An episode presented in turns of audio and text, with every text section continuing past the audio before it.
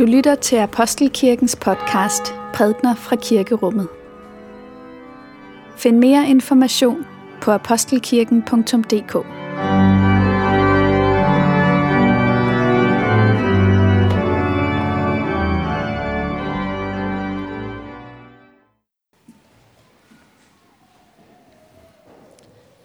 Vi skal høre prædikenteksten til i dag, som er fra Johannes åbenbaring.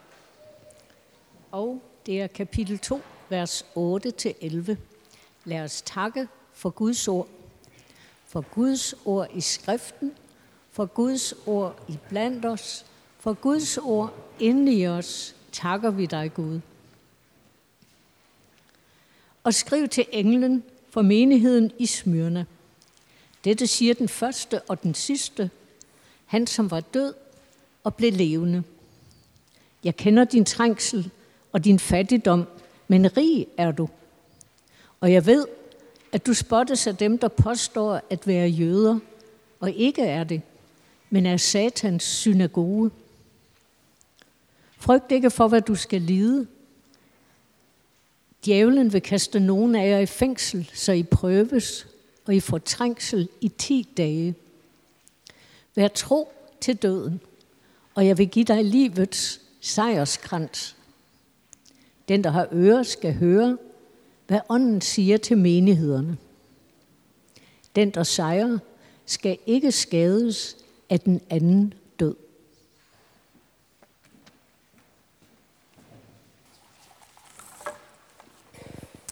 Og lad os bede sammen. Gode Helligånd, nu beder vi om, at du må hjælpe os til at lytte det, som du visker til vores hjerte. Hjælp os også til at lytte til det, som bor der. Amen. Han øh, sad på den græske ø Patmos Johannes, og han sad der, og så kom ånden pludselig over ham, og han hørte en røst som af en basun. Og da han vendte sig om, så så han menneskesønnen, som han godt kendte. Han så ham igen, og menneskesønnen talte til ham og bad ham om at skrive det ned, som han hørte og så. Han skulle skrive til de kristne menigheder. Det, som menneskesønnen Jesus havde gjort for Johannes og hans venner, det var simpelthen blevet deres liv. De havde mødt Jesus, og de var fuldtes med Jesus ved at forlade alt det, som de kendte, og rejse ud i verden. Og senere var der folk som Paulus, som vi, vi hørte ord fra, de var kommet til. Og de kom til alle verdens hjørner her fra et lille sted i Mellemøsten, og hvor end de kom hen og fortalte historierne om Jesus, så blev de taget imod, og mennesker samlede sig i små fællesskaber, for der skete noget, når man fortalte de her historier. Det var som om historien slog rødder. Det var som om, at ånden var rejst med. Og da Johannes sidder her og ser menneskesønnen igen, så er alle vennerne døde. En for en, så har de lidt døden, de der var hans Jesu nærmeste venner og medarbejdere, fordi der var en underlig dobbelthed i det her med at drage ud i verden og fortælle historierne om Jesus. Jo, der var selvfølgelig hjerter, som åbnede sig, og som blev åbnet af, af ordene om Jesus. Mennesker, som faldt for den kærlighed, som Jesus var, og som Jesus er, og som Jesus bliver ved med at være. Og så var der andre, som syntes, det skabte uro med de her fortællinger om Jesus, fordi det skabte forandring. Det gjorde ikke bare, at mennesker blev glade, men mennesker handlede på den glæde og lod den gøre en forskel for sig selv og mennesker omkring dem. Og så blev det til forfølgelse. Og, og det er altså mærkeligt, at det er sådan, at det der med Guds kærlighed på den ene side har sådan en lethed og en varme, men også har en intensitet og en alvor, som gør, at troen for nogen fører til forfølgelse. Af de mennesker, som bliver forfulgt, fordi de tror på Jesus, der kan vi lære noget om, at den kærlighed, som Gud elsker os med, den er så virkelig, at den er værd at betale for, og at den er værd at være tro imod ind til døden. Johannes var selv en af dem, der var rejst, og han havde skrevet om sit liv med Jesus. Han havde skrevet breve, og den her bog, vi har lyttet til ordene fra, åbenbaringsbogen, det var ikke den første, han skrev. I den bog, han havde skrevet om Jesus, der havde han givet sig selv navnet, den disciple, som Jesus elskede. Og det havde han givet sig selv, fordi hans liv var ikke bare blevet forandret, det var blevet forvandlet af mødet med Jesus. Og nu sad han her, og han havde brugt af troen i hele sit liv, eller man kan vel sige, at troen havde brugt ham til det, som er blevet hans livsopgave. Og det er den samme tro, vi er samlet om her. Den tro, som, som handler om, at Jesus vil flytte ind i vores hjerter. Den tro, som leves indefra og ud. Og, og vores liv efter, efter Jesu død og opstandelse, hvor vi følger efter ham, det er jo netop det, vores liv. Det er livet med alt det, som det indebærer.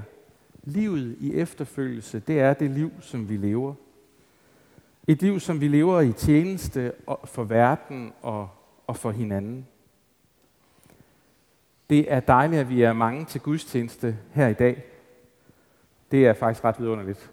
Øh, og noget af det, men noget af det, som kan være en udfordring, når vi er mange mennesker, det er, at det kan være svært at få øje på de gaver, som hver enkelt af os har fået og bære med sig ud i livet og ud i verden. Det kan det i hvert fald være for sådan en præst som mig. Vi kender ikke nødvendigvis hinanden, når vi sidder her på bænken ved siden af hinanden. Vi kender måske ikke lige helt, hvad det er for en ild, Gud har tændt i hende, der sidder ved siden af mig. Her i øh, weekenden var vi i kirkeudvalget her i kirken afsted på en tur, og noget af det, som vi talte om på den tur, det var, det var jo netop det her liv, som vi lever sammen med hinanden i fællesskabet. Vi går hver til sit efter gudstjenesten, men vi samles her i fællesskabet. Og hvordan kan vi være gode til at se og glæde os over hinanden og de velsignelser og gaver, som er hos os? Det var noget af det, vi snakkede om, og noget af det, jeg tror er godt, at vi øver os i. Det med troen, det er jo sådan, at den er lidt som en muskel, som syner hen, hvis den ikke bliver brugt. Og når troen kommer ind i vores liv, så spørger den jo os jo, må jeg bruge dig? Fordi det er ikke meningen, at den tro, som vi får, og den tro, vi har, den skal vi holde for os selv. Som sagt er det syv breve, Johannes skriver til syv menigheder. Vi læste det første til Aske onsdagsgudstjenesten, og vi skal læse videre i søndagene, som, som kommer.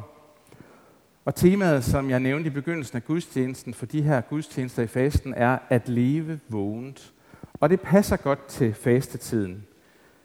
Fastetiden er en sådan slags træningstid, hvor vi øver os, og hvor vi kan spørge Gud, jamen det liv, jeg lever, afspejler det egentlig den tro, som bærer mig? Og se, det kan jo være et lidt farligt spørgsmål at stille, fordi mennesker, vi kan nemt gøre alting til et spørgsmål om præstation. Vi vil faktisk ret gerne være dygtige. Fordi hvis vi er dygtige, så kan det være, at vi kan få ros og kan blive bekræftet. Og tit så søger vi at blive bekræftet. Men nogle gange så kan det være, at andre menneskers bekræftelse kommer til at tage den plads i vores liv, som, som egentlig øh, var den Guds kærlighed skulle have for os. At vi søger bekræftelsen frem for at blive rodfæstet i Guds kærlighed til os. Og det er sådan med Guds kærlighed, at den kan man godt, øh, den kan man godt komme til at overse, fordi den taler ikke nødvendigvis sådan så højt. Den, den er nænsom i den måde, den kommer til os på. Og der er så meget, der råber højt og gerne vil have vores opmærksomhed i, i, i tiden, vi lever i. Måske så er det mest dyrebare, vi i virkeligheden har, det er vores opmærksomhed. Og når vores jeg sådan blaffer lidt, så kan det dem blive afledt af alt muligt andet. Alt det, som vi tænker, jamen, det kræver af mig, at jeg følger med, det kommer til at tage vores opmærksomhed, eller, eller for at sige det rigtigt, vi kommer til at give det vores opmærksomhed. Og det er ikke altid, at det er Guds kærlighed i Jesus Kristus, der ligesom løber af med vores opmærksomhed, at det er der, vi retter vores opmærksomhed hen. Og dermed så, selvom troen leves indenfra og ud, jamen så, selvom troen sender os ud i verden til at give videre den kærlighed, som vi får, så, så er der en inderside af troen, som handler om, at vi skal begynde med begyndelsen. Altså starte med det vigtige, og det er at finde hvilen hos, hos Gud. Det første fokus, det handler ikke om, hvad vi, alt det, vi kan gøre for Gud.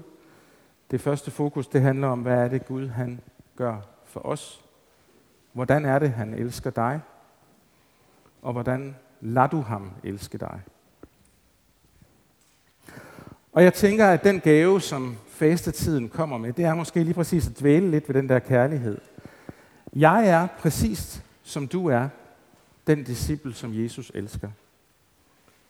Og Jesu kærlighed bekræfter os ikke, men fortæller os, hvem vi er.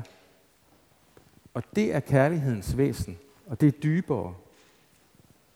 Og den kærlighed, Jesu kærlighed, den var tro ikke bare til døden, men igennem døden og til liv igen. Og den formaning, som Johannes skulle skrive ned til menigheden i Smyrna om at være tro til døden, det var en formaning, som flugtede med Jesu disciples levede erfaring, at den her kærlighed, den kan du leve af, den kan du faktisk dø på. Livet bliver ikke let, siger menneskesønnen i det brev, Johannes skriver ned til de kristne i byen Smyrna. Men der er ingen grund til at frygte, hvis du er trofast. Og det, vi skal være trofaste mod, det er det, vi er blevet givet. Det er det, at du er den, Jesus døde på korset for. Du er den, han opstod for. Du er den, han elsker. Og den kærlighed skal du indånde, spise, drikke, leve af hver dag. Og den kærlighed skal du være tro imod. I brevet kunne vi høre, at der var ord om, at de skulle lide og kastes i fængsel, og det blev sandt, det som menneskesønnen sagde til Johannes, at han skulle skrive ned for. Få år efter, at menigheden, at brevet til menigheden her blev skrevet, så led biskoppen i Smyrna, som hed Polycarp, så led han martyrdøden. I et af de breve, som han skrev, for de skrev meget breve dengang, så skriver han, Følg Jesu eksempel. Vær fast i troen og elsk brødrene fast i troen, trofast. Og så er der en sejrskrans til sidst i brevet. En sejrskrans, som menneskesønnen fortæller om. Og for Polycarp lignede den sejrskrans måske lidt en tornekrone, kan vi tænke. Men vi skal ikke tage fejl. Den sejrskrans, den bor i den kærlighed, som overvinder det onde. Den kærlighed, som du og jeg er elsket med. Og for det siger vi lov og tak og evig ære være dig, hvor Gud, Far, Søn og Helligånd. Du som var, er og bliver en sand treenig Gud, højlovet fra første begyndelse, nu og i al evighed. Amen.